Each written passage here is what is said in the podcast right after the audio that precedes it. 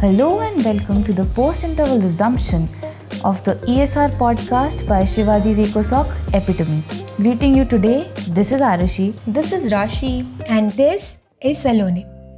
Today's topic uncovers and debates the age old notoriety of India's bureaucracy and its Wild West laxity of delayed toddling. Ah, yes, the classic criticism that, oh god, it takes so long to get anything done out here. Finally, we can address that hysteria through an objective lens, delving into the whys, the whats, and also the whens of this endemic pandemic of administrative floundering. You got it, Arushi. It's been a never ending story of condemnation that it takes ages to get anything done out here. But how often do we actually stop and wonder and assess the true roots of this tumorous growth? Well, finally, this chapter objectively argues that India does indeed need to reform its executive processes, but not as you might initially suspect. That's right. It is often presumed that the only solution for bureaucratic issues is implementing more and more regulatory oversight. That the more specified rulings there are, the easier the business and administrative processes would flourish. However, quite on the contrary, it's not by adding more regulatory oversight, but by urgently cutting down on our regulatory comprehensiveness, is how we can approach our systematic efficiency frontiers. Sounds almost counterintuitive, doesn't it? Oh, yes, it does sound almost ironic, Henna. But let me put it in a way all of us college peeps can directly relate to. We're all quite the artistic bunch here, aren't we? Part of multiple societies at any given time. And so we run around grabbing a piece of that co curricular action left, right, and center. Yeah? In fact, some of us even sprouting up with new clubs and societies of our own design. Now, in all this, one thing we can all conquer on is that the more administrative obstacles we endure, the longer getting anything drags on. Doesn't it? yeah, that's quite the deja vu inducing way of putting it, but yes, I have to agree with you here. The lengthier regulatory obstacles get, the longer it takes to comply or exercise creative freedoms. And it does become a thorn in our sides, real troublesome, real quick. Yeah, and that's exactly what the chapter debates that there's no way of ever accounting for all the uncertainties of a system, and hence the prolixity and the extent of such extensive red tape only throws a giant sized wrench in productivity, efficiency, effectiveness, and all those sought after buzzwords we learned in 11th grade business studies. You are absolutely correct, Rashid.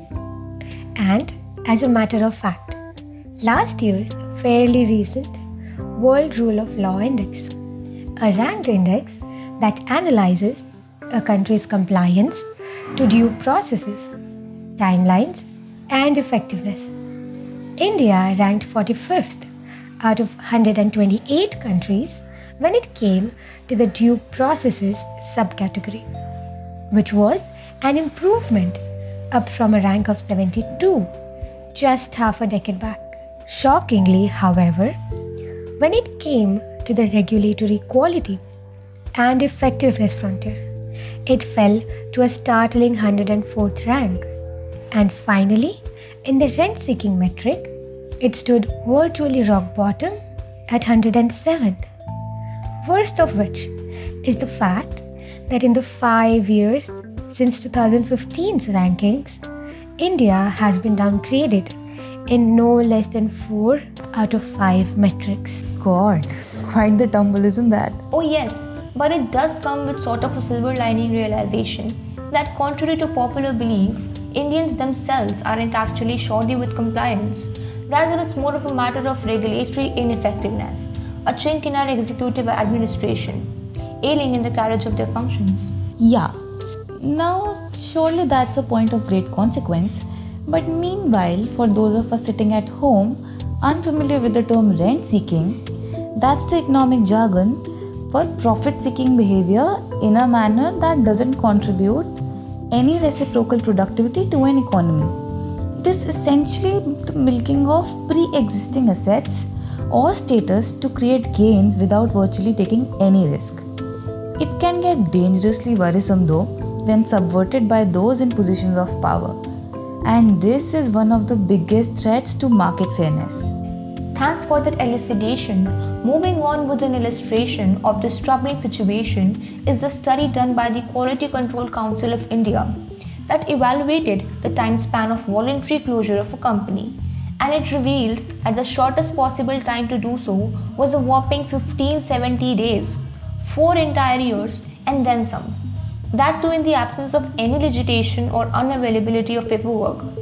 Comparatively, that same process took just about 12 months in Singapore to 15 in the UK, while in Germany it was 24 months. Thought it did stretch up to anywhere between 2 to 4 years for larger companies, but then again, Germany is indeed a country widely known for their extensive bureaucracy. Nevertheless, a similarly sized firm might have taken decades if tied up in litigations over here in India. That was quite the eye opener, Rashi. But just why is it so? What's the reason behind this supposed tardiness?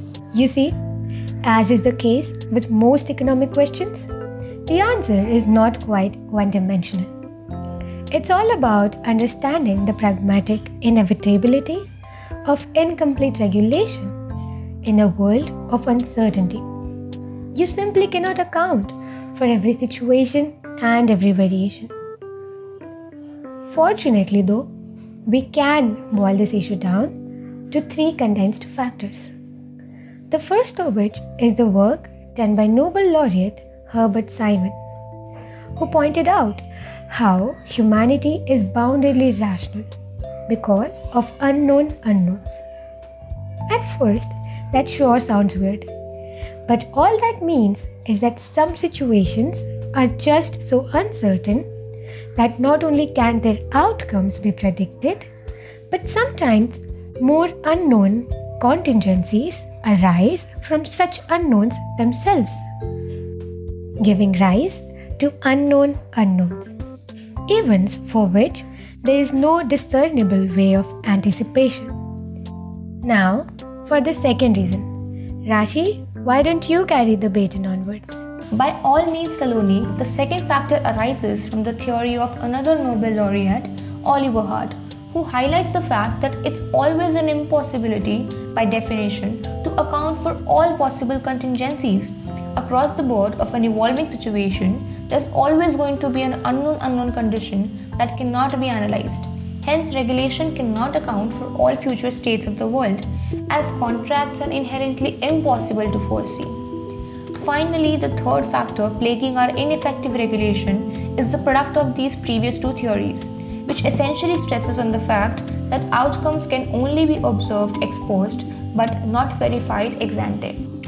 Hmm, that sounds only fair. So, what exactly should be the path ahead to tackle these regulatory hurdles?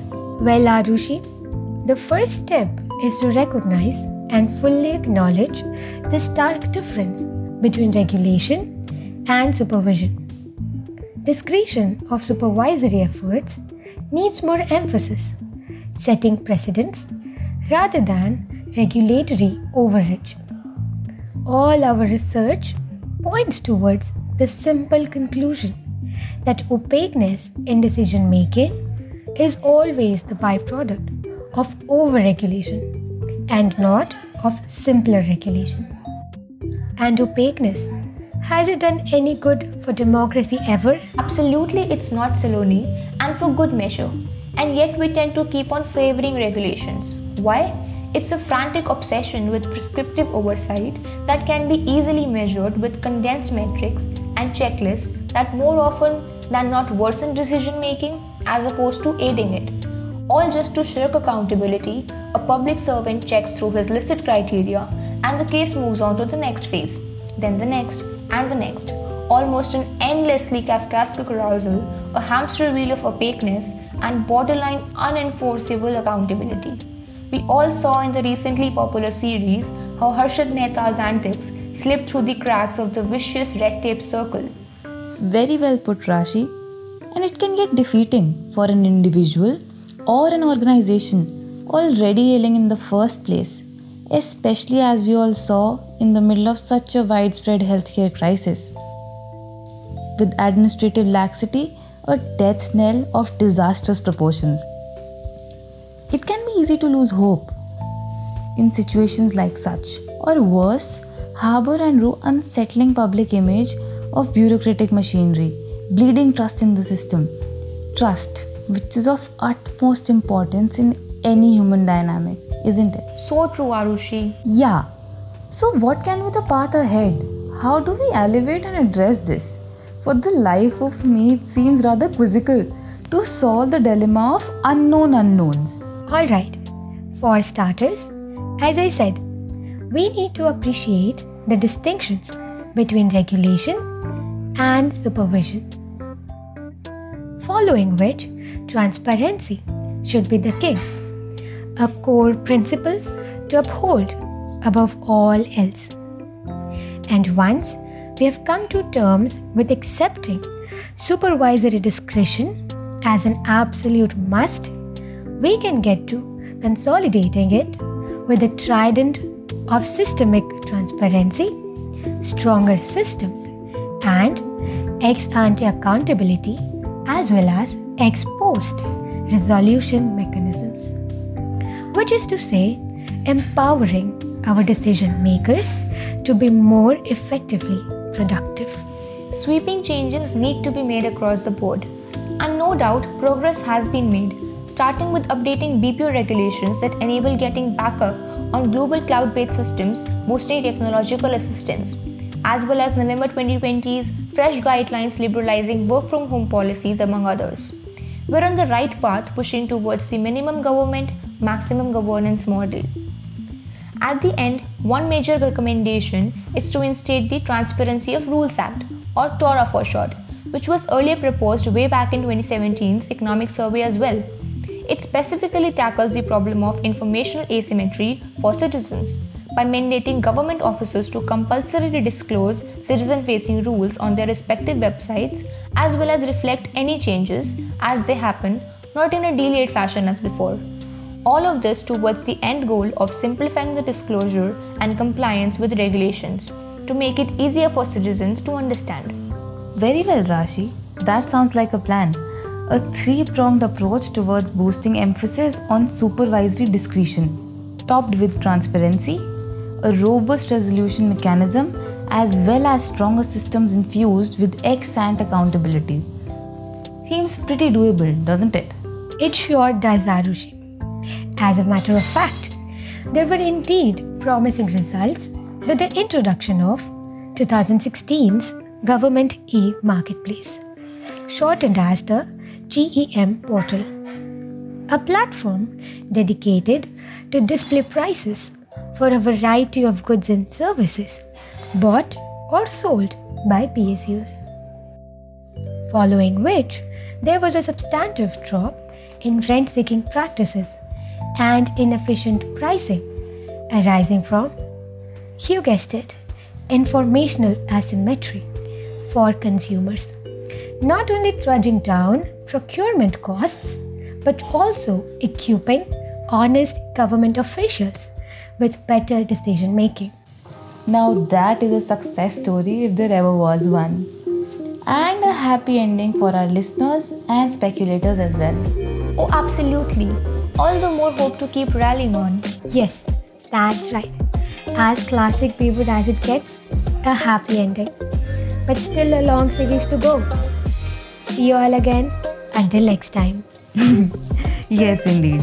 Catch you all in the next episode, 7, with Tales of NPA Crisis en route.